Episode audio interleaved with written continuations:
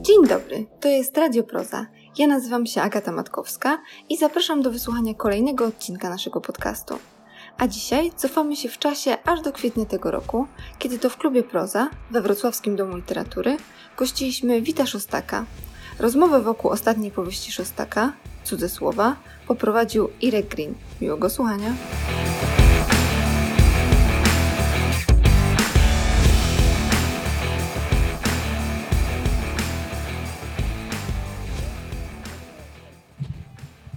Przepraszam Państwa, jak nie ma publiczności, to mam taki kłopot, żeby pamiętać o mikrofonie, a muszę tak mówić, żeście Państwo nas słyszeli. E, mówimy do Państwa z prozy Klubu Wrocławskiego Domu Literatury dzięki współpracy z wydawnictwem e, Powergraph. Moim gościem dzisiaj w cyklu 3 czwarte rozmowy o literaturze jest Wit Szostak.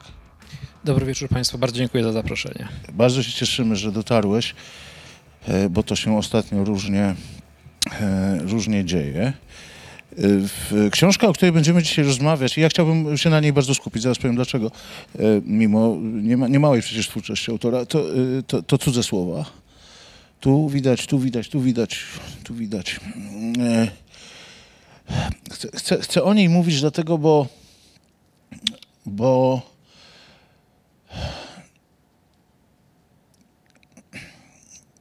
Państwo pewnie sporo wiedzą o e, Wicie Szostaku. Wiecie, że jest filozofem i, i, i, i, profesorem, a na pewno doktorem habilitowanym. I jego moje pytanie pierwsze nie zaskoczy. Tu mam taki notesik fajny, wygląda jak książka, ja sobie w nim notowałem. On się nazywa Twoje słowa, czyli, jak rozumiem, moje. E, I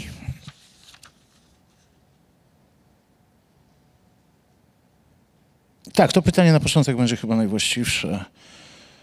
E, Bo o tych poziomach, których ciężko wyczerpać w tej znakomitej powieści, to jeszcze pomówimy. Natomiast tak sobie sformułowałem, to pytanie. Czy ta książka jest próbą literackiego odzwierciedlenia tez Wittgensteina z traktatu logiczno-filozoficznego, czy dokonałeś obrazowej teorii powieści, odnosząc się do obrazowej teorii języka w praktyce? Nie wiem, czy potrafię tak odpowiedzieć na pytanie. Pytanie, o którą tezę z Wittgensteina by chodziło, prawda? Y, Jeżeli już to jest jakaś próba przekroczenia y, zasady Wittgensteina, ostatnia teza traktatu mówi, że o czym y, nie wolno mówić, o tym należy milczeć. Ja właśnie staram się mówić o tym, o czym nie należy i nie wolno mówić i szukać poza słowami i poza tym, co powiedziane, y, historii, jakichś doświadczeń, jakichś doznań i przekraczać te granice, które bardzo wyraźnie ten pierwszy młody Wittgenstein wyznaczył. Ale wiesz, to pytanie wyglądające na dziwaczne i bardziej filozoficzne niż li- krytyczno-literackie, ono się nie wzięło z niczego. Mia, miałeś gdzieś w głowie Wittgensteina, kiedy ta książka pow- powstawała? Miałeś gdzieś w głowie te, te bo ja nie pytam o konkretne tezy oczywiście, bo kiedy mi to przyszło do głowy, to mm, w- ja, ja zakładam, że część Państwa książki nie zna, część zna. Postaramy się tak o niej mówić, aby jej nie spoilerować, mówiąc krótko, ale językiem młodych. Ale eh, ja zacząłem o Wittgensteinie w kontekście tej książki pierwszy raz myśleć, kiedy z menu restauracji Twojego bohatera zaczęły znikać poszczególne, e, poszczególne dania. E, Kiedy restauracja, którą prowadzi, e, upraszczała się i upraszczała i sprowadzała się e, coraz bardziej do poziomu dla większości nieakceptowalnego, czyli od wspaniałej kuchni włoskiej m, kończymy na prostych podpłomykach, tak, z oliwą, czyli dla większości klientów tej, gości tej restauracji nie, nie, nieakceptowalnej, a dla bohatera będącej e, e, e, chyba najważniejszym punktem dojścia, to znaczy surowość, prostota, to, o czym za chwilę już nie będziemy nawet mogli mówić, więc będziemy musieli, to czego nie będziemy mogli zjeść, będziemy musieli przestać o tym mówić. To, tak, tak, tak, tak tego Wittgensteina y, znalazłem w tej książce. Nie, nie, nie, nie, nie, z tytułu logiki i precyzji zdań. To- jest, y, to jest ciekawy trop, ale ja musiałem go przemyśleć. To znaczy, na pewno Wittgenstein jest dla mnie jakoś ważnym myślicielem, ale też nie y, z takiego bezpośredniego, tego pierwszego szeregu, do których sięgam, kiedy myślę o, o, o, o języku czy o, czy o mowie. Tutaj raczej bliższy jest mi Heidegger.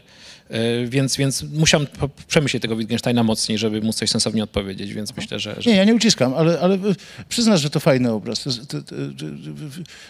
Książka jest, bo to jeszcze dla Państwa jest istotne, którzy nie znacie, książka jest skonstruowana w tym sensie najprostszym, czyli poprzez spis treści, jak menu obiadowe po prostu, że prowadzisz nas przez cały posiłek w poszczególnych, w poszczególnych rozdziałach, co, co, co właśnie wraz z tymi znikającymi, coraz bardziej niewymownymi, coraz trudniej opisywalnymi potrawami i tym, co się dzieje z gośćmi tej, z gośćmi i z udziałowcami tej restauracji staje się fundamentalne.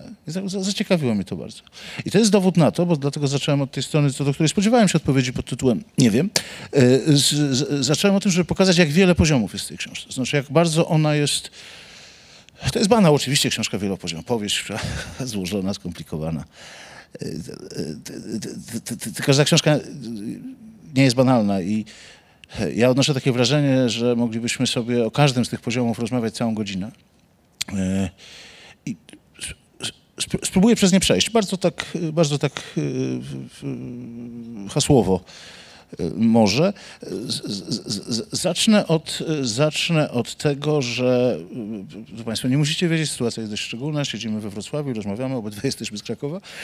I kiedy, kiedy rozpocząłem lekturę, to tak bardzo po krakowsku zacząłem sobie myśleć o kluczach. Tak? Znaczy, na ile ta książka jest grewcem środowiskowym, na ile jest, na ile jest książką z kluczem właśnie takim, takim środowiskowym. I kilkakrotnie wydawało mi się, że wiem. To znaczy, że rzeczywiście poruszasz się w świecie osób, które znam, o których słyszałem, a jednocześnie oczywiście, tak jak w każdej porządnej fikcji, to są postaci posklejane z wielu postaci, są postaci posklejane z wielu, z wielu osobowości, charakterów różnych ludzi, ale gdybyś ty miał sam sobie odpowiedzieć na pytanie, ile tam jest rzeczywistych postaci, ludzi, których znasz, tego, tego krakowskiego środowiska, które znasz, którym się obracasz, również środowiska filozofów, które ma ogromne znaczenie dla, dla, dla tej książki, to, to, to, to znalazłoby się ich sporo, czy... Na pewno nie jest to książka z kluczem, to znaczy to nie jest tak, że tam są jacyś zaszyfrowani profesorowie, którzy, których można łatwo zdekodować. Tak jak mówisz, ja lepię sobie z różnych postaci jakąś postać tego głównego, centralnego profesora czaskiego, który się tam pojawia. On jest ulepiony z kilku moich profesorów z lat 90. To są też czasy, kiedy studiują bohaterowie tej książki, więc to jest też podobny okres. I są, ma pewne cechy, trochę Tischnera, trochę Stróżewskiego, trochę jeszcze innych filozofów, ale ma też pewne rysy, które, które dopisałem mu zupełnie na marginesie, czy też powiedzmy zupełnie przyszły z, z innej strony i, i trudno je odnaleźć u tych nauczycieli, których ja miałem, prawda? Chciałem, zależało mi raczej na pewnym archetypie filozofa, profesora, który jest mistrzem dla wielu, takim bardzo dwuznacznym, prawda? W pewnym momencie dokonuje się tam takie ojcobójstwo z, które chyba każdy musi jakoś przeżyć w swoim życiu. Więc, więc to jest taki konglomerat. Tak chyba większość postaci w ogóle w mojej, mojej prozie funkcjonuje. To znaczy nawet jak miały jakieś pierwowzory bardzo realne, to na tyle się od nich odkleiły i zostały przetworzone przez literaturę, że trudno mi je wskazać, nawet przed samym sobą. To, to teraz taki następny poziom, który, który mnie znowu krakowski ujmuje, tam w tle, w głosach wielu twoich bohaterów brzmi definicja krakowskości. Na, na, różne sposoby ona jest, ona jest odmieniana, ale jeśli spojrzeć na najbardziej powtarzający się, taki najbardziej, naj, najmocniejszy obraz Krakowa, to to jest takie, takie dulskie, stare, duszne, miasto, do którego twój bohater, Benedykt, wprowadza coś niezwykle autentycznego, egzotycznego, coś zupełnie e, skądinąd. Tak mówię o restauracji włoskiej, co oczywiście co do zasady jest dość zabawne, bo, bo, bo 400 takich restauracji jest, jest, jest w Krakowie. Ty, ty się dusisz w mieście? Ty, ty, ty dałeś swoim bohaterom jakiś stereotypowy obraz Krakowa, czy też to jest coś, co, co ty chciałeś powiedzieć? Znaczy, ja, ja doświadczam Krakowa jako y, bardzo wieloznacznego, ale w tym kontekście dwuznacznego miejsca, które z jednej strony ma w sobie ten y, taki rys pewnej nie wiem, tradycji czy konserwatyzmu krakowskiego, krakowskich rodzin, pewnych utartych obyczajów, ale z drugiej strony y, mam poczucie, że to jest od lat a na pewno od y, dekad, być może nawet od wieku, przełamywane, prawda? E, jeżeli spojrzymy nie wiem, na listę wybitnych prezydentów Krakowa e, z XIX i XX wieku, to to byli ludzie, którzy urodzili się poza Krakowem. Jeżeli ja spojrzę na listę swoich profesorów e, z uniwersytetu i myślę, że każdy z nas, kto studiował w Krakowie, taką listę może sobie stworzyć, to okazuje się, że bardzo często ci najciekawsi, najwybitniejsi to nie byli krakowianie, prawda? Więc tak naprawdę Kraków ciągle przyjmuje jakieś zastrzyki świeżej krwi i z jednej strony jest jakąś prawdą o Krakowie, że się dusi we własnym sosie, ale jest też prawdą o tym, że y, jest w nim być może wymuszana otwartość na e, głosy z zewnątrz, prawda? Ci wszyscy główni bohaterowie, oni są spoza Krakowa jakoś, prawda? No właśnie, bo to, bo to im dajesz to stereotypowe myślenie, prawda? Oni przyjeżdżają do miasta i rozpoznają go, rozpoznają je w taki sposób, w jaki, jaki oni słyszeli, w jaki, w jaki o nim ktoś rozmawiał. Oni sami, w moim przekonaniu, tej krakowskości w takim znaczeniu, o którym tu mówimy, stereotypu, pewnej płaskości rozumienia, nie doświadczają przecież. Prawda? Oni, oni tak, trafiają są, w zupełnie inny świat. Tak, tam są pewne epizody te takie studenckie, kiedy, kiedy rzeczywiście um, jeden z narratorów, Szymon, się konfrontuje z takimi krakowskimi rodzinami, prawda, i ma kolegów na studiach, którzy wyrośli, prawda, wśród, nie wiem, Malczewskich i Kossaków na ścianach, um, ale to jest gdzieś tam w tle zupełnie podane. To znaczy, to jest ta książka, gdzie Kraków jest, ale jest zupełnie jako tło. Ja tutaj się nie konfrontuję jakoś z Krakowem i też nie zależało mi na tym, żeby z Krakowem jakoś walczyć. Starałem się walczyć z Krakowem e, e, wewnątrz siebie i potem tą walkę pokazywać na zewnątrz w innych książkach, w Ochołach, w Dumanowskim wtedy, i tam jest tego więcej. Tutaj są jakieś takie powidoki raczej tego, tych napięć, które gdzieś tam budują jakoś mój Kraków i też um, ja urodziłem się w Krakowie i wychowałem w tym mieście i właściwie nie znam żadnego innego miasta tak dobrze jak, jak, jak, Kraków, ale jednocześnie zawsze miałem perspektywę bycia gdzieś spoza, prawda? To znaczy moi rodzice nie są krakowianami i e, studiowali w Krakowie i poznali się w Krakowie, natomiast e, nie pochodzą z krakowskich rodzin, e, a ja mieszkając przez część, całe swoje dzieciństwo i, i młodość, czasy studenckie e, na osiedlu, e, na obrzeżach Krakowa, w Nowym Prokocimiu, właściwie zawsze miałem wrażenie, że ja dopiero dojeżdżam do Krakowa, to znaczy Kraków jest tam gdzieś, prawda, gdzie Wawel, gdzie rynek. Natomiast ja właśnie z jakiegoś takiego bliżej nieokreślonych peryferiów, bo to już były granice Krakowa, ale jednak, e, ale jednak e, e, gierkowskie osiedle na obrzeżach.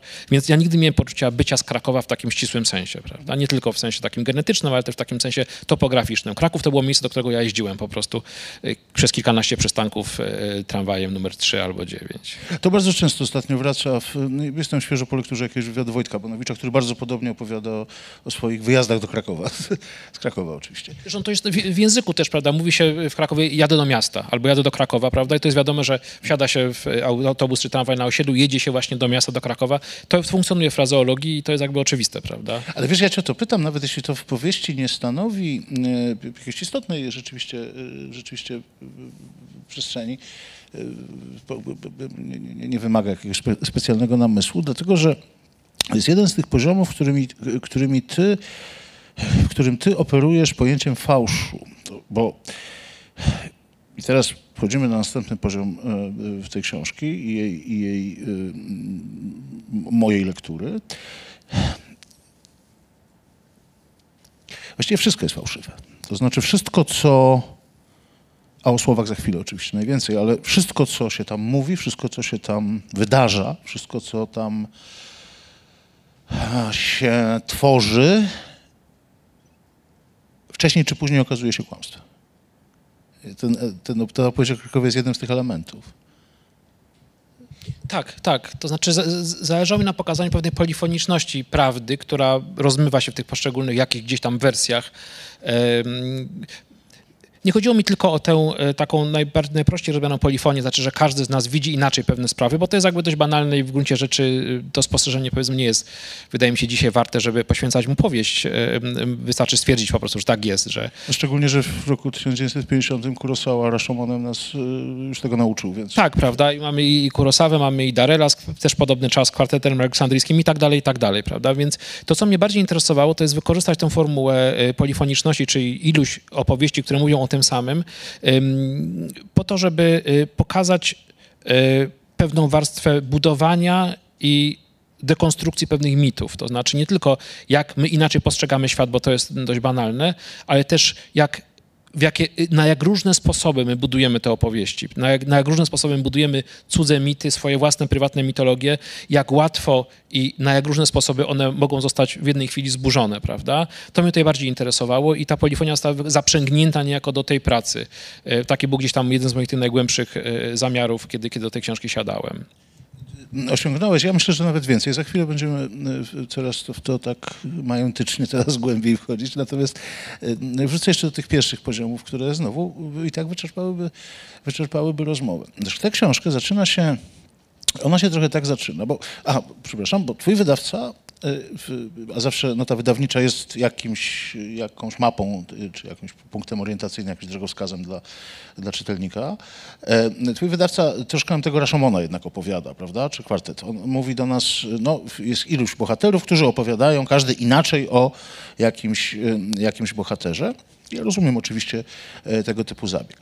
Moje pierwsze wrażenie, kiedy zacząłem czytać, to była... Mm, to, to, to, to było tak, jakby książka w ogóle szukała swojego bohatera.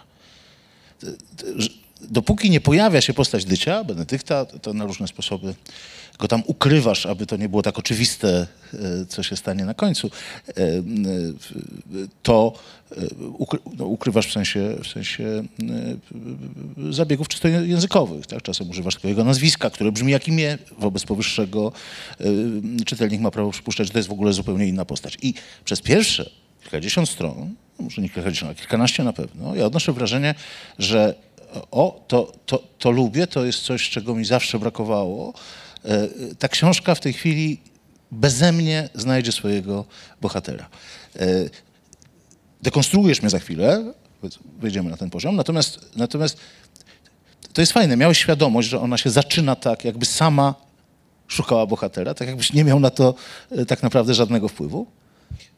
Tak, to znaczy zależało mi na tym, są to, to, to różnica, panie, y, y, nazywania Benedykta, prawda, tych różnych imion. Zależało mi na tym, żeby y, dla czytelnika, wiadomo, że kiedy już książka się ukazuje, są notki, prawda, informacje, recenzje, większość czytelników już wie, że ta książka o Benedykcie Rysiu, prawda, natomiast rzeczywiście, gdyby ta książka była bez tych wszystkich okładek i dostarczona jako taki nagi tekst czytelnikowi, to jestem przekonany, że przez te kilkadziesiąt, może nawet dłużej, spora część czytelników myślałaby, że chodzi o zupełnie różne osoby, które gdzieś tam są opowiadane przez poszczególnych narratorów i dopiero gdzieś potem zaczyna z tego się sklejać jedna osoba, ale potem znowu się rozłazi, prawda? Więc, więc w tym sensie to było świadome, żeby wejść, wchodzić do tej samej rzeki z różnych perspektyw, prawda? I dopiero potem gdzieś tam w jakimś punkcie się spotkać, ale nie na długo, żeby potem znowu te, te drogi się rozeszły, prawda? One się gdzieś tam przecinają, nie w jakimś jednym punkcie, ale w kilku punktach, prawda? I, i potem znowu się rozchodzą, więc zależało mi na takim właśnie skupianiu i oddalaniu y, y, narratorów od bohatera i też czytelnika, który się temu przygląda i próbuje sobie to wszystko konstruować w głowie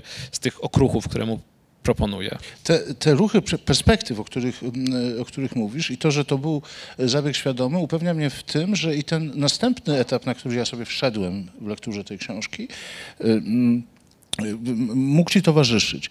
Dla mnie on również był, był sprawia mi ogromną przyjemność czytelniczą, lekturową po prostu. To znaczy, ja sobie nagle uświadomiłem, że właściwie, jak już ten bohater znalazł, że właściwie go nie potrzebuję. Że, że, że tak naprawdę wszystkie opowieści tych bohaterów, którzy nam go przedstawiają, to są opowiadania. I że ja właściwie nie potrzebuję, żeby z tych opowiadań mi się zrobiła e, powieść. Że z taką przyjemnością czytam, e, czytam, e, czy to język, nie wiem, Jakuba, czy język Magdaleny, prawda? Bo, bo różnicujesz te języki oczywiście stylistycznie. Właściwie nie potrzebuję powieści. Nie, nie potrzebuję znaleźć tego bohatera. To, to, to, to, za to dziękuję, bo to, bo to duża przyjemność. Wiesz, to, gdyby rzeczywiście pójść tym tropem konsekwentnie, to znaczy, gdyby te opowieści się nigdy nie spotkały i by się okazało, że Dycio jest kimś innym niż Benedykt i tak dalej, i tak dalej, to ja, oczywiście ta książka byłaby inna niż jest, prawda? Ale wydaje mi się, że, że nie straciłaby tego, co najważniejsze w niej, tak mi się wydaje. To znaczy, to nie jest tak, że bez tego jednego elementu wszystko by się posypało, prawda? Rzeczywiście, jakby można było sobie wyobrazić ją jako takie nieprzecinające się ścieżki w ogóle opowieści, które gdzieś tam y, zahaczają o siebie, ale w taki zupełnie zagadkowy sposób, nieoczywisty, nie połączony tą jedną postacią.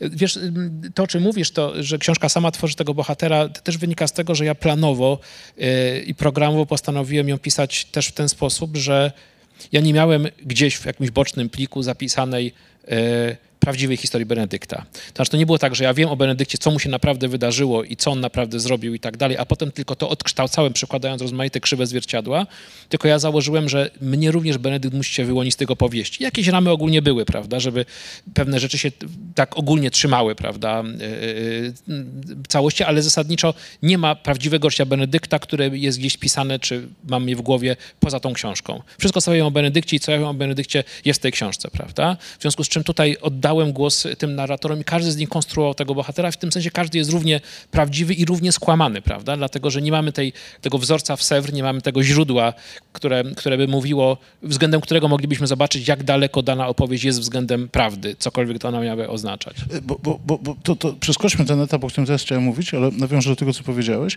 Tu wiele nie, nie zdradzimy Państwu, ale ostatni rozdział tej książki jest e, graficznie istotny, bo tam mamy e, pewną opowieść, z której wiele słów jest wykreślonych.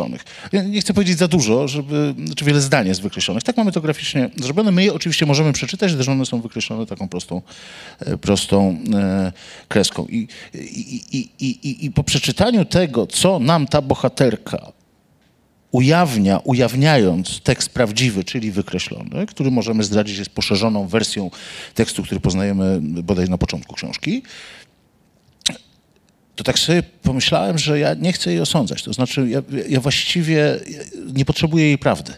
Tak? Bo moment tego wykreślenia, gest autorski, w tym wypadku autorski, jej autorski, nie twój, e, jest, y, jest równie święty. To znaczy ona, dobrze, może pokazała mi apokryf, ale tak naprawdę z taką prostą informacją nie musisz decydować. Tak? Nie musisz mówić, że to jest lepsze, albo że to jest pełniejsze, albo że to daje ci prawdziwy obraz. Skoro raz cię okłamałam, mogę cię okłamywać dalej. Tak, i coś, co y, można tutaj poprowadzić dalej tę myśl, to znaczy y, czytelnik odkładając książkę i odkładając y, tę ostatnią, czy kończąc tę ostatnią partię Weroniki, prawda, która właśnie pokazuje, co wykreśliła, co, jak nie podając powodów, dlaczego się w takich czy innych momentach ocenzurowała, można zadać sobie pytanie, no dobrze, a co z innymi opowieściami? Nie wiemy, co zostało z nich wykreślone. Mamy tylko te niewykreślone wersje gotowe do druku, prawda? No to chciałem zapytać, bo tu się aż prosi, aby każdy z tych bohaterów pokazał nam swoją część y, z wykreślonymi rzeczami, prawda?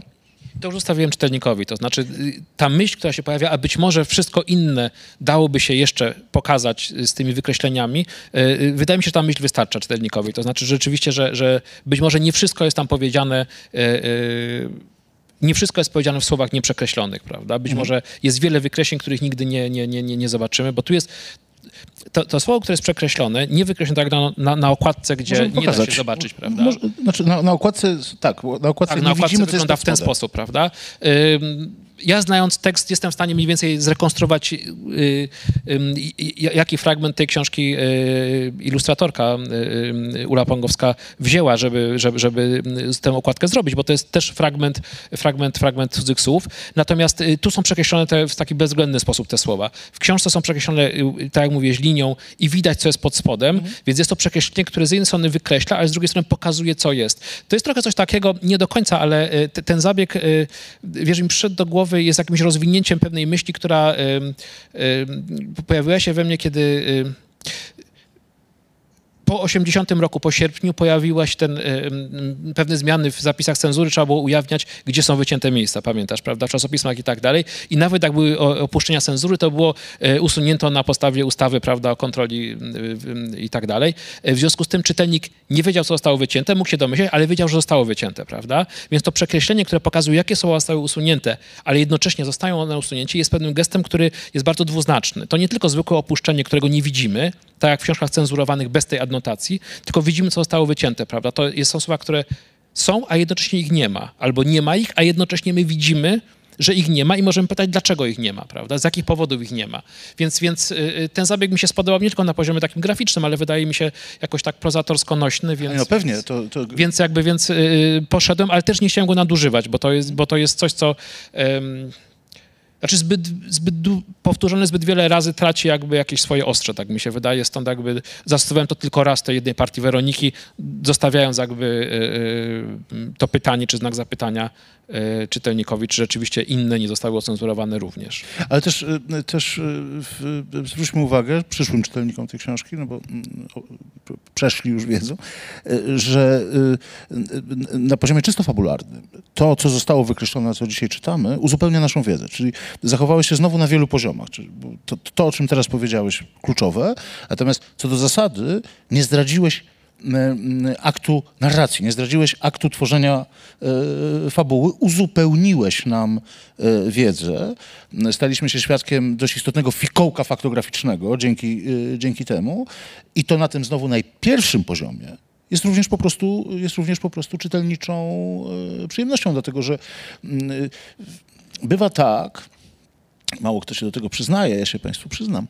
Bywa tak, że my pod koniec książki nie do końca pamiętamy początek. By, by, bywa tak, że książkę czytamy, jest ona nam bliska, ale jednak y, y, musimy się czasem cofnąć, tak? Musimy zobaczyć, czy aby na pewno e, ktoś nas wiedzie na manowce, czy, czy, czy, czy, czy ja źle zapamiętałem, prawda? E, mm, a ty to po prostu zrobiłeś za nas w takim sensie y, twórczym, że mm, to akademickie było, krótko mówiąc, bo, a, teraz ćwiczenia. A teraz, proszę Państwa, zobaczymy, czy pamiętacie, co, co do Was mówiłem. Tak? Bo się może okazać, że stworzyliście sobie historię, którą ja dzisiaj literalnie, pokazując Wam wykreślenie, e, ustawiam na bardzo prostym poziomie logicznym. Tak? To znaczy, ja Was nie oszukuję. Może sami siebie oszukiwaliście, tak? Może sami sobie opowiadaliście, ja Was nie oszukuję, zobaczcie. To zresztą skądinąd y, y, stara, y, dobra żydowska odpowiedź na pytanie, czy Jezus Chrystus istniał, y, brzmi przecież mogło tak być. Zatem, zatem to mogło tak być, prawda, które, które, tutaj, y, które tutaj robisz, y, jest y, bardzo interesujące. Dobrze, ale myśmy poszli na koniec, no bo odniosłem się do tego, co, co, co powiedziałeś. A, a, a musimy jeszcze trochę, trochę sobie te poziomy e, po, e, trochę o tych poziomach poopowiadać. Teraz e, byłoby dobrze zacząć od takiego oto zabiegu e, znanego w powieściopisarstwie, a to jest służącemu, służącego istotnym rzeczom. E, Ta książka, proszę Państwa, i mogą się rozłączyć ci, którzy lubią ilustracje i dialogi, nie ma dialogów. E, tak, dialogów w takiej formie, którą znamy za pomocą e, e, oznaczenia graficznego pauzą dialogową. Książka jest w- w różnych formach, w mowie zależnej, w różnych formach opowiada, właśnie, opowiada o mówieniu. W tej książce się bez przerwy mówi. Bohaterowie mówią o tym, o czym z sobą rozmawiali, bo nie rozmawiają, mówią o tym, o czym z sobą rozmawiali. Bohaterowie wykładają, słuchają słów z wykładów, notują e, słowa. Tak? Najbanalniejsza prawda o literaturze brzmi taka, że jest utkana ze słów. Ale o tej literaturze e, e, prawda znacznie mniej banalna jest taka, że e, przemyślnieś pan te słowa poukładał. To znaczy opowiadanie o mówieniu jest zabiegiem to ciekawe, starym jak literatura, ale w tym wypadku niezwykle odświeżającym. Właśnie my, cudze słowa, wszędzie słowa. Tam są tylko słowa. Uwaga, odkryję rzecz niesamowitą. Literatura się składa ze słów. Tylko ty nie mówisz. Nie pozwalasz im mówić. Ty im każesz opowiadać o mówieniu. Znaczy, stwierdziłem, że mm, y, rzeczywiście tam nie ma w, ty, w tym sensie dialogów. Y, y, ja im pozwalam mówić, bo oni ciągle mówią, prawda? Oni ci- ciągle mówią, prawda? Ale opowiadają o mówieniu. To, to E, naprawdę jest bardzo wyraźna mówieniu, różnica. Tak, opowiadają o mówieniu, tak. Dlatego, że t- jeżeli pomiędzy tymi y, y, narratorami pojawia się jakiś dialog, to on się pojawia na pewnym metapoziomie. Znaczy my sobie dopiero konstruujemy w głowie, czy czytelnik konstruuje sobie pewien dialog. Natomiast oni, każdy z nich opowiada pewnej wyizolowanej jakiejś samotni, opowiada tę swoją historię, tę swoją wersję. Niektóre pisałem tak, żeby one były bardziej mówione, czyli powiedzmy nagrywane w uproszczeniu, prawda? I żeby to było słowo mówione. Inne ewidentnie na poziomie stylistycznym są budowane tak, jakby były założenia spisywane, prawda, przez kogoś, ale ci bohaterowie są, każdy z nich jest monadą zamkniętą, prawda, to znaczy są tymi mikrokosmosami, w których zawiera się ich własna opowieść i również in, słowa innych, które oni referują, prawda, więc w tym sensie oni się nie mogą spotkać, prawda, oni się nie mogą spotkać, gdyby się nawet spotkali, gdyby się te pauzy dialogowe pojawiły, bo to jest kwestia, e, to one byłyby sztuczne, to znaczy one byłyby sztuczne dlatego, że kiedy, nie wiem, Weronika opowiadałaby o tym, jak rozmawia z Benedyktem i by nagle pojawiły się na dwie strony ich rozmowa, to to byłoby dalej w tej klamrze jej opowieści o tej rozmowie, prawda? Forma graficzna dała pewną iluzję autentyczności tej, tej rozmowy, że my przy niej uczestniczymy, ale tak naprawdę to byłaby opowieść o mówieniu, prawda? W związku z czym, y, dając im tak poważne głosy, że każdy z nich może opowiedzieć o sobie, a przy okazji też o Benedykcie, ale o, o, o sobie, zabrałem im możliwość konfrontowania się, dlatego że oni nie siedzą przy jednym stole i nie wymieniają tych opowieści pomiędzy sobą w swojej obecności, tylko każdy z nich w jakiejś samotności bliżej nieokreślonej e, opowiada sobie na swoją własną potrzebę do lustra, e, do ekranu komputera, klawiatury, prawda, czy kartki swoją, swoją historię o, o sobie i o Benedykcie. Ale jednocześnie powiedzmy, powiedzmy czytelnikom przyszłym tej książki, że oni przy tym jednym stole siadają. To znaczy istota tego zabiegu i jego udatność polega na tym, że może się nie spotykają, może z sobą nie rozmawiają, natomiast opowiadają nam o tym, jak z sobą mówili i każdy opowiada to inaczej. Więc, bo przy stole siadają często. Ta, ten, ta, ta knajpa, o której wcześniej wspominaliśmy, to jest takie miejsce, które ten główny bohater, opowiadany nam przez innych e, bohaterów tej książki, po prostu stworzył w Krakowie. Na Podgórzu gdzieś. E, I tak, na Podgórzu. Tak, tak. Przepraszam, bo ja jestem jakiś czas po lekturze niebezpiecznie kleiliśmy się z Kazimierzem. A to z innych powodów, jak sądzę, więc... Ja już w Chochołach stworzyłem jedną knajpę na Kazimierzu, więc tak. teraz się przeniosłem do Podgórza, tak tam przy, przy plantach tak, Bednarskiego. Że miałem przez chwilę takie zatrzymanie, czy właśnie nie pobłądzę, ale to w Chochołach oczywiście. Park Plac Serkowskiego, okolice Warneńczyka, to jest tam, to, tam te, tuż... Więc oni się tam spotykają i naprawdę siadają. E, te, te, te, atrybuty głównego bohatera, które są atrybutami parabiblijnymi, mm, one właśnie tam się objawiają. To są jego uczniowie, to są jego apostołowie, się zbierają razem. A zatem, a zatem nie rozmawiają z sobą, ale bez przerwy słyszymy o tym, jak z sobą, e, e, jak z sobą rozmawiają. I jeszcze raz powtarzam, to nie jest zabieg czy dobrze o tym wiesz? Nowy, to nie jest zabieg y, y, y, rewolucyjny, ale w powiązaniu z tym wszystkim, o czym mówiliśmy i powiemy jeszcze, on w tej książce mm, niesamowicie się sprawdza. To znaczy on, on to, to jest to, co powiedziałeś. My sobie dopowiadamy te dialogi. My je naprawdę w takiej, w lekturze tak skonstruowanej powieści, my sobie po prostu sami, sami piszemy. Czy piszemy? No tak, piszemy. Myślimy, to piszemy. E, dobrze to teraz y, jeszcze ten wątek trzeba troszkę pociągnąć, bo wiesz, jest trochę tak, że wszędzie tam, gdzie używa, filologicznie teraz, tam, gdzie używasz mowy zależnej, a i ona się zdarza, no już często nawet, e, w przytaczaniu słów, które gdzieś kiedyś e, padły, e, to tak naprawdę, gdybyśmy na to spojrzeli czysto tak, znaczy jak najbardziej definicyjnie, to ten rodzaj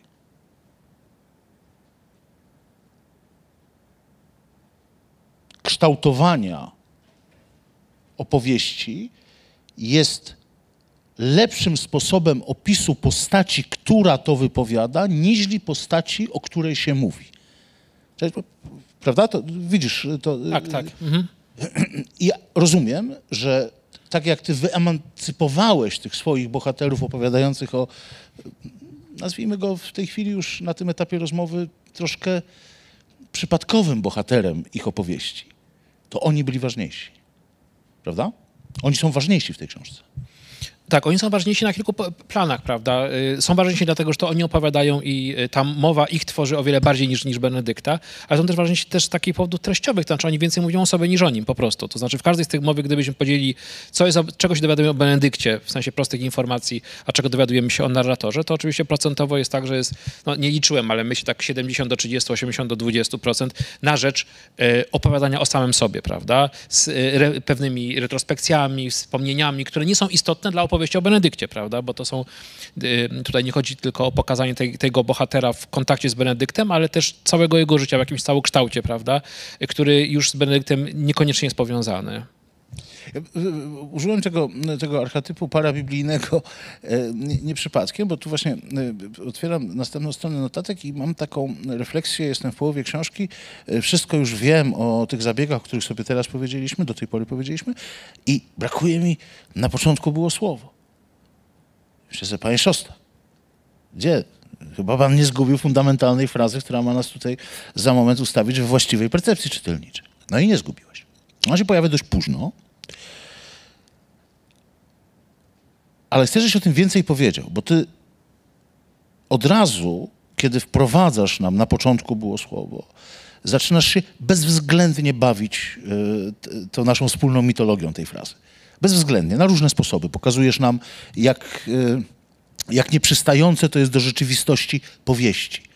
Jak łatwo mogłoby stać się słowem kluczem i słowem, które y, wyjaśnia i mniej wybrednego czytelnika na, ucieszy, tak? Ach, wiem, to tak jest.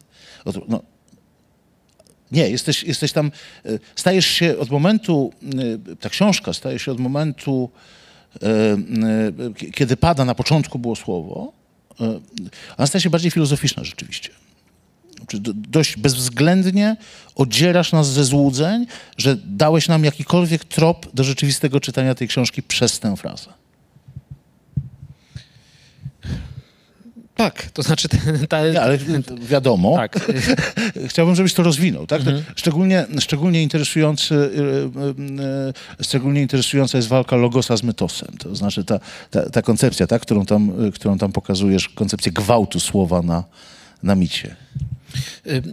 Tak, postanowiłem, y, żeby dać trochę mm, tym opowieściom, które bywają czasami bardzo takie gawędziarskie i, i y, y, mówione mową potoczną, opowieść, która będzie opowieścią właśnie o słowach, to znaczy już wprost, nie za pomocą słów i nie tylko opowieścią o mówieniu, ale opowieścią o słowach i to jest właśnie większość partii Magdaleny w gruncie czy jest tak skonstruowana, prawda? Ona jest bardzo świadoma słowa, być może najbardziej z tych wszystkich narratorów, którzy się tam pojawiają i oczywiście ona stara się pokazywać swoją historię i historię siebie i Benedykta jako historię słów, które ona używała do nazywania swojego doświadczenia, których ona szukała, żeby wypowiedzieć e, swoje życie.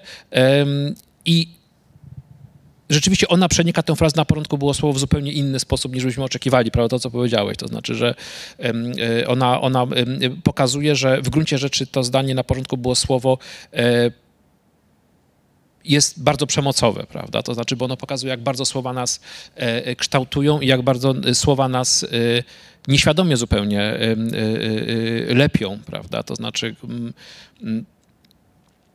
nazywają pewne problemy a w gruncie rzeczy stwarzają te problemy i my potem jesteśmy zakładnikami tych słów, które gdzieś zostały powiedziane, które gdzieś mocą jakichś autorytetów rozmaitych zostają utrzymane i teraz... Przepraszam, wejdę ci słowo, mm. nie tylko mocą autorytetów, chciałbym też, żeby czytelnicy nasi i słuchacze i widzowie zrozumieli to, że też w zwykłych naszych rozmowach domowych, kiedy, bo, e, e, bo my się stajemy zakładnikami słów niemal zawsze, prawda? Niemal zawsze. Tak, tak. Y, no, kontakt bezsłowny, oczywiście istnieją bezsłowne formy kontaktu, ale wydaje się, że poza jakimiś zupełnie e, takimi wykoncypowanymi sytuacjami, gdzie spotyka się dwójka ludzi i nie używają słów, prawda, z jakichś powodów, prawda, e, powiedzmy choćby takich, że jest to jakiś gest. Podsłuchiwanie przez CBA na przykład. Na przykład, prawda, e, ale, ale spotykają się w sensie, mają inne, ma, mają gesty, mają, mają spojrzenia, e, e, mają ruchy, mają dotyk, to, to się zdarza oczywiście, prawda, ale w gruncie rzeczy taka sytuacja na dłuższą metę jest mm, trudna do wyobrażenia. To znaczy w pewnym momencie te słowa się pojawiają. Nawet jeżeli istnieją całe partie e, naszego życia, które dzieją się w sferze bezsłownej, bo do siebie nie mówimy, tylko na siebie patrzymy, dotykamy się i tak dalej, i tak dalej, to jednak te słowa się pojawiają. I nawet w takich najbardziej codziennych sytuacjach te słowa nas stwarzają, prawda? Jesteśmy za każdym konstruktem pewnych słów, pewnej konfiguracji słów, które do tego nie są jeszcze, e, mm, e, to, to jest chyba najbardziej tajemnicze, prawda? Nie są jasno zdefiniowanymi pojęciami, które dawałyby nam jakieś przynajmniej koordynaty,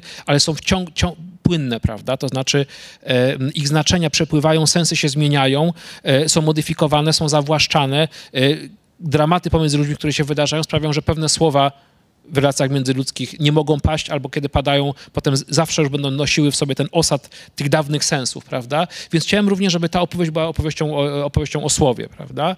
I y, tam mówisz o tym napięciu pomiędzy logosem a, a mitosem, prawda? Jedno z takich rozpoznań, y, ja teraz nie, nie, chcę wchodzić jakby tutaj w teoretyczne rozważania, na ile one jest słuszne, no w uproszczeniu takie, że logos grecki, prawda, powstanie greckiej filozofii y, zabiło czy ograniczyło rolę mitosu, czyli opowieści, która była wcześniej, prawda? Że to są, prawda, takie epoki myślenia. Pierwsze myślało mitami, pojęciami, potem myśli się już rozumem, czyli pojęciami i tak dalej. Ja staram się pokazać, że e, nic nie zostało pokonane, to znaczy zostało jakoś wchłonięte i przetworzone, ale w gruncie rzeczy, e, i tam jest kilka takich przykładów tych partiach, w tej partii Magdaleny, że, że w gruncie rzeczy te najciekawsze i naj, najbardziej budujące nas jakoś świadomie czy nieświadomie koncepcje greckiej, nie tylko greckiej filozofii, to są koncepcje, które są pewnymi opowieściami o logosie, prawda? To znaczy, to są opowieściami o, o i bardzo często zresztą na rozmaitych poziomach filozofia korzysta z opowieści, prawda? Prawda?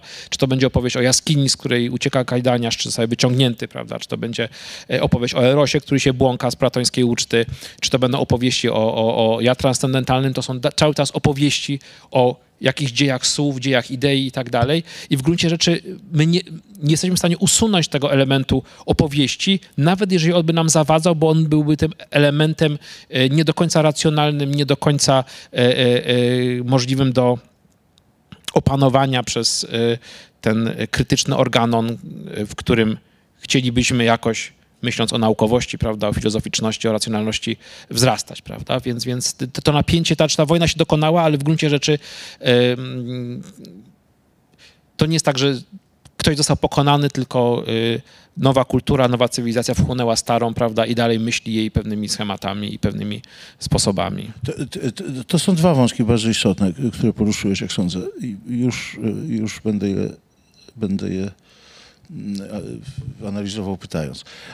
Pierwszy jest taki w, tych, e, w tym, e, co powiedziałeś, pobrzmiewa e, takie przekonanie głębokie, ja jestem również, ja, ja również w nie wierzę, że jesteśmy uzależnieni od słów, w takim sensie, że w którymś momencie musimy je wypowiedzieć, jeżeli możemy oczywiście. I na przykład po, po, po bardzo pięknych dotykach chcemy coś powiedzieć, prawda? Albo, albo uważamy, że musimy coś powiedzieć, bo jesteśmy uzależnieni. Bo nam się zdaje, że jesteśmy słowom coś winni. Na początku było słowo z dalekim echem e, Bereshit bara Elohim et hashamayim vet haaretz, pierwszych słów Starego Testamentu, które na początku Bóg stworzył niebo e, i ziemię. E, materię, nie słowo. Tylko my to wiemy dzięki słowu.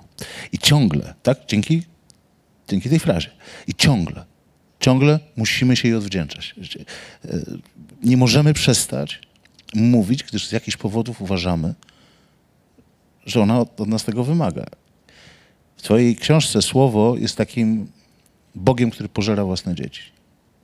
Ci wszyscy ludzie, którzy bez przerwy mówią, oddają, oni oddają hołd y, szatanowi. Nie odnosisz takiego wrażenia? I o, to, to jest, im więcej mówią o tym, że mówią, im więcej opowiadają o swoim mówieniu, y, tym bardziej stają się potępieni. Wszyscy.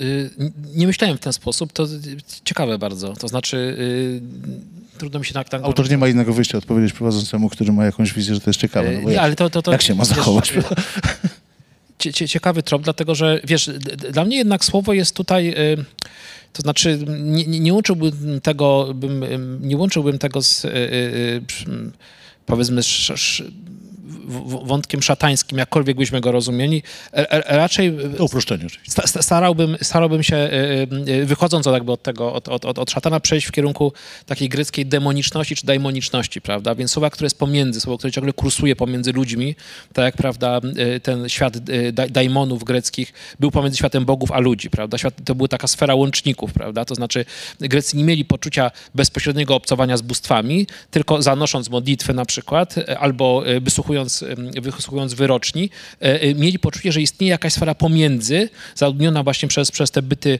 daimoniczne czy też demoniczne, e, które były ambiwalentne jeśli chodzi tutaj o, o wartościowanie do, do, do, dobro i zło. I wydaje mi się, że słowo jakby działa w ten sposób. To znaczy, bo jest kolosalna rola słowa pozytywna w nazywaniu pewnego doświadczenia, nazywaniu poprzez nadawanie sensu i rozjaśnianiu, ale też jest równie kolosalna ro, rola w przemocy, którą daje słowo, prawda? Czyli mówiąc krótko, ja bym widział tę sferę pomiędzy jako sferę, która jest takim ciągłym światło-cieniu, prawda? Nie jest ani jednocześnie czarna, ani, ani, znaczy, ani ciemna, ani mroczna, ani jasna, prawda? Więc w tym sensie tutaj, y, jeżeli miałbym jakby wprowadzić jakąś taką autorską korektę, to bym y, szatańskość w kierunku demoniczności jakby greckiej to- prze, prze, prze, przeprowadził jakoś tak łagodnie.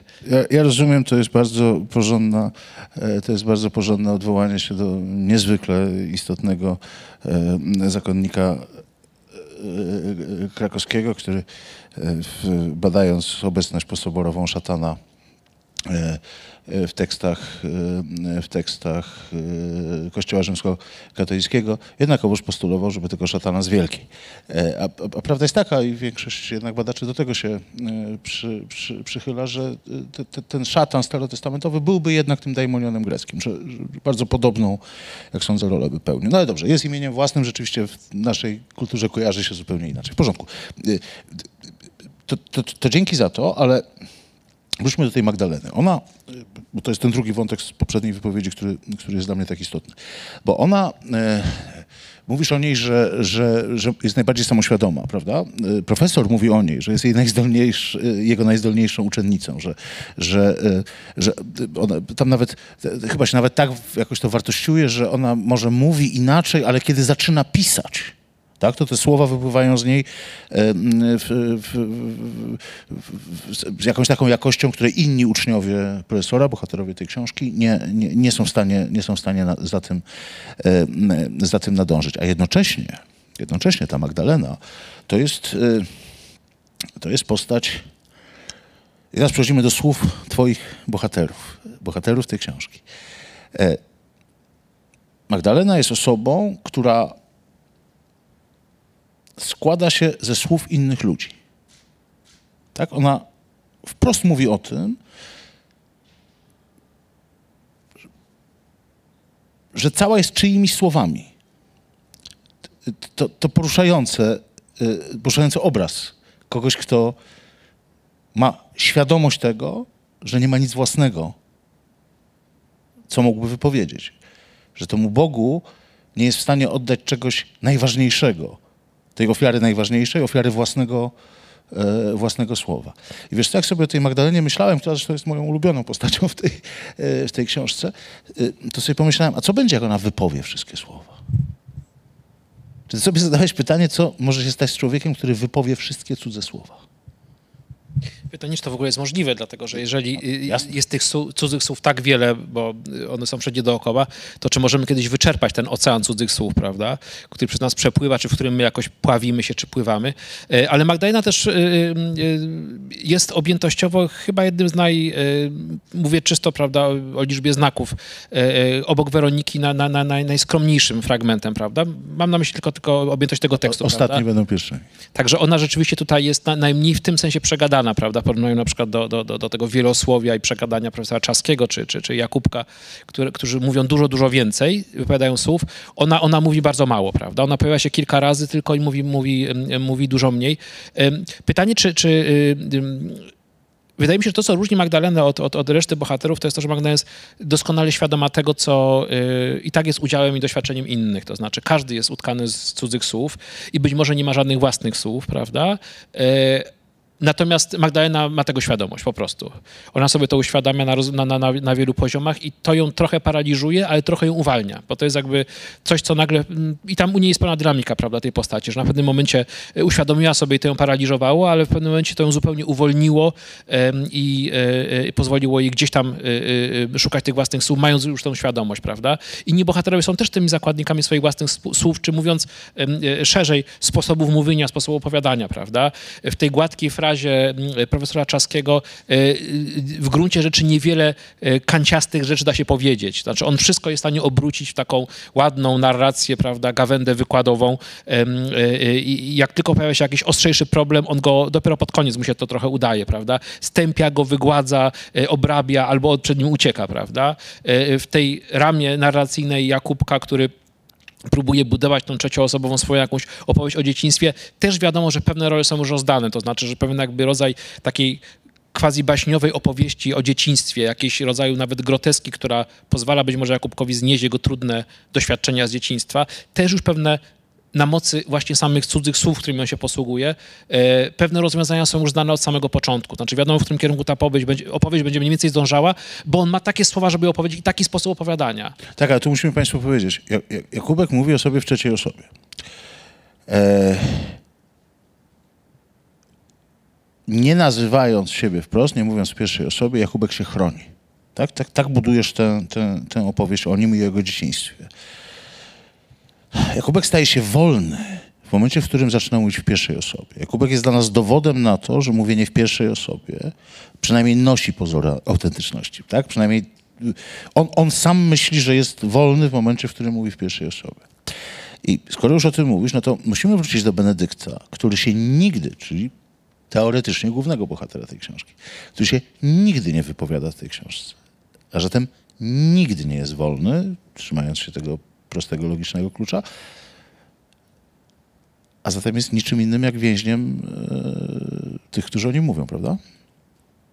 Nie możemy go poznać. Tak, on jest tutaj zupełnym zakładnikiem, bo on jest jakby... E, e, w gruncie rzeczy ci narratorzy mogą zrobić z Benedyktem co chcą, prawda?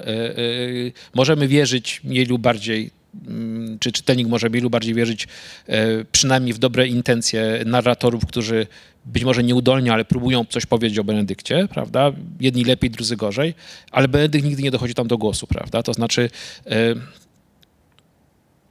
Wiesz, to jest oczywiście, ja teraz mówię nie pół żartem, pół serio, tylko bardziej żartem niż w ogóle serio, ale wiesz, to jest pomysł na, na sequel, wiesz, teraz opowieść Benedykta, prawda? Własne słowa i Benedykt mówi teraz na 200 czy 300 stronach, prawda, on opowiada tę historię. I to jest zupełnie inna historia, jak się, jak, jak, jak, jak można by nie podejrzewać, prawda? Nie tylko korygowanie pewnych faktów czy pewnych nieścisłości e, e, w duchu tego, że on powie, jak było naprawdę, tylko zupełnie byłaby inna opowieść, prawda? Gdyby dopuścić go do głosu. E, tak, a z drugiej strony byłaby to książka nikomu niepotrzebna, z tego banalnego powodu, że ty korzystając z dobrych doświadczeń, różnych punktów widzenia na jakiś temat, y, chcesz nam dać pozór rzeczywistych cech i rzeczywistego postępowania Benedykta, a jednocześnie tak naprawdę bardzo mocno, bardzo zdecydowanie i wyraziście mówisz nam i co z tego. I tak zostanie zakładnikiem tych, którzy o nim opowiadają. E, te gatunkowe, a z gatunku wyszedłeś, powinieneś e, rozumieć te zasady. Te gatunkowe zasady, w których e, ta postać, do, których mamy, do której mamy największe zaufanie, kiedy wypowiada się na czyjś temat, to staje się dla czytelnika autorytetem i już tak tylko będzie myślał o tym kimś, o kim ten największy autorytet się wypowiedział, podważyłeś tutaj zupełnie. Że krótko mówiąc, zarzucam ci podważenie zasad podstawowego pisania gatunkowego. Wiesz, no ja jestem poza gatunkiem, jakkolwiek nazwiemy, od nie wiem, już dobrych kilkunastu lat, prawda, więc, więc właśnie dlatego, że poczułem pewne ograniczenia gatunku, które mnie y, krępowały. Znaczy czułem, że y, Wydawało mi się w pewnym momencie, kiedy, kiedy pisałem fantastykę, że y, za pomocą fantastyki, y, że fantastyka być może jest najlepszy, fantazja jest być może najlepszym y, medium wejścia w mit. To był jakiś mój pomysł jeszcze z czasów licealnych, prawda, kiedy przymierzałem się do pisania. Po napisaniu dwóch powieści fantastycznych i zbioru opowiadań skończyłem pisać w 2003 roku i od tamtej pory właściwie fantastyki poza okazjalnymi opowiadaniami nie piszę. To był moment, kiedy uświadomiłem sobie, że nie, jakby, że to było jakieś ślepy zaułek w moim, dalej mnie fascynuje mit na wielu poziomach, ale wiem, że wiem już, gdzie go nie znajdę. To znaczy wiem już, gdzie go nie znajdę i za pomocą jakich narzędzi do niego nie dotrę, prawda? Wiesz, bo Logos go zgwałcił. Bo Logos go zgwałcił, tak jak, tak jak opowiadasz nam w cudzysłowie. Tak, tak, tak. E, ostatnie pytanie, proszę Państwa. E, fundamentalne, jak sądzę. Nie wyczerpaliśmy poziomów, nawet, nawet ich nie dotknęliśmy tak może istotniej. E, ale, no właśnie, jeżeli chcecie Państwo wiedzieć, o czym mówiliśmy, musicie kupić i przeczytać tę książkę. To bardzo proste. My tu mamy taką innowacyjną zasadę, jeśli ktoś nas jeszcze słucha, że jak Państwo teraz wpiszecie pod relacją, że na przykład chcielibyście konkretny autograf dla Kasi z Wrocławia od Wita, to my to umiemy zrobić, prawda, Tomku? My to umiemy zrobić. E, dobrze, więc jak Państwo chcecie wiedzieć, o czym mówiliście, to, mówiliśmy, to przeczytajcie książkę. I teraz pytanie fundamentalne, które towarzyszyło mi e, przez całą lekturę książki, która się nazywa Cudze Słowa. Brzmi ono tak. Czy są w ogóle inne słowa niż cudze w literaturze?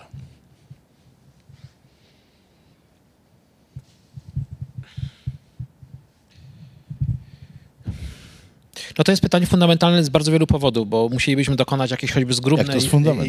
Jakby, jakby z, z, zgrubnej e, e, takiej e, przymiarki do tego, czym się różnią słowa własne od słów cudzych, prawda? E, język, którym mówimy, to nie jest nasz język, który sobie wymyślamy, tylko język, który, z którym wzrastamy, prawda? Dają nam go rodzice, koledzy, koleżanki, nauczyciele, e, współuczniowie i tak dalej, prawda? Wyrastamy w jakimś języku i aż z nich wchodzi na te poziomy, powiedzmy, e, językoznawcze, czyli, prawda, różne języki różnie nas kształtują i tak dalej, prawda? Inaczej jest człowiek kształtowany, powiedzmy, w polszczyźnie, inaczej, nie wiem, w hebrajskim, czy, czy powiedzmy w e, jakichś na rzeczach amazońskich. Nie, nie, nie, nie, chodzi mi teraz o, o, o te różnice, tylko chodzi mi o to, że w gruncie rzeczy słowa, które dostajemy są cudzymi słowami z definicji, prawda? To znaczy to, co mówiła, co, co uważa Magdalena, prawda? Więc siłą rzeczy literatura będzie zapisem cudzych słów, ale y, wysiłkiem i być może najważniejszym wysiłkiem, który podejmujemy w życiu na jakimś poziomie najważniejszym, jest próba jakby dokopania się do tych własnych słów. To znaczy tych własnych słów, które oczywiście mogą być, y, nie, nie, nie są wytwarzaniem nowych zbitek y, głosek, tylko nadawaniem nowych sensów, które pojawiają się w naszym własnym idiolekcie albo w jakimś dialekcie dwójki, trójki, czwórki osób, prawda, nie wiem, rodziny, pary, kochanków i tak dalej, prawda? I te słowa mają pewne znamiona bycia własnymi słowami, prawda? Paradoksalnie y, te słowa, które powstają w pewnych tych najbliższych relacjach, ale właśnie w relacjach, kiedy do kogoś mówimy i kiedy wytwarzamy sobie jakieś słowa, są, są, y, są y, słowami własnymi, dlatego że one noszą sobie bardzo poważne znamie bycia własnymi, to znaczy e, ten akt ustanowienia sensu na nowo. Wymyślenia na nowo siebie, wymyślenia na nowo słów, wymyślenia na nowo e, opowieści o sobie i tak dalej, i tak dalej. To znaczy wydaje mi się, że ten moment, kiedy uświadamiamy sobie, że słowa nas jakoś, są jakimiś pętami, a my próbujemy nazwać, nawet jeżeli osuwamy się potem jakąś miałkość, być może w banalność i tak dalej, to wydaje mi się, że to jest moment, kiedy być może na krótką chwilę gdzieś wychodzimy, gdzieś wychodzimy e, e, e, na jakąś, na jakąś Szulzy powiedział taki szczyt skowronkowy, prawda, czyli taki moment, kiedy nagle te wszystkie gdzieś tam cudze, rozmaite wersje się w, w jednym jakimś punkcie krystalizują, ale wydaje mi się, że, że, że, że jeżeli naprawdę byśmy tak poważnie potraktowali własne słowa, to to są jakieś zdarzenia, tak jakieś, nie wiem, kairotyczne przebłyski w naszym życiu. Nie coś, co mamy już na zawsze. Mamy własne słowo i ono będzie mi do końca życia towarzyszyło, tylko własne słowa, które nam się przydarzają w jakiejś konkretnej sytuacji i potem je tracimy, prawda? To są jakieś krótkie przebłyski, jakieś takie zupełnie, mówiąc po Heideggerowsku, aleteiczne, prawda? Gdzieś jakiś prześwit, e, że wybudzimy się na jakąś niepodległość coś nazwaliśmy po swojemu. To nie chodzi o, o oryginalność, rozumianą jako e, niepowtarzalność, czyli zrobiłem coś, czego nikt przede mną nie robił, prawda? Bo w tym sensie jakby e, e, wydaje mi się, że definicja bycia własnym jest czymś więcej niż tylko, e, albo przekracza, jest na innym poziomie niż definicja bycia e, e, bycia wymyślonym przeze mnie albo ustanowionym przeze mnie. Ale chodziłoby chyba o słowa, które w jakiś sposób najbardziej własny, przynajmniej w tym wewnętrznym poczuciu doświadczenia, nazywają coś istotnego w świecie, prawda? E, I tu są oczywiście bardzo różne pomysły e, pisarzy, poetów, filozofów e, w tym kierunku, ale być może te najbardziej własne słowa są słowami, które są z zewnątrz oglądane czy z zewnątrz słuchane, są najbardziej banalne i poza tym kontekstem nie mają, zdajmy żadnej wyjątkowości, prawda?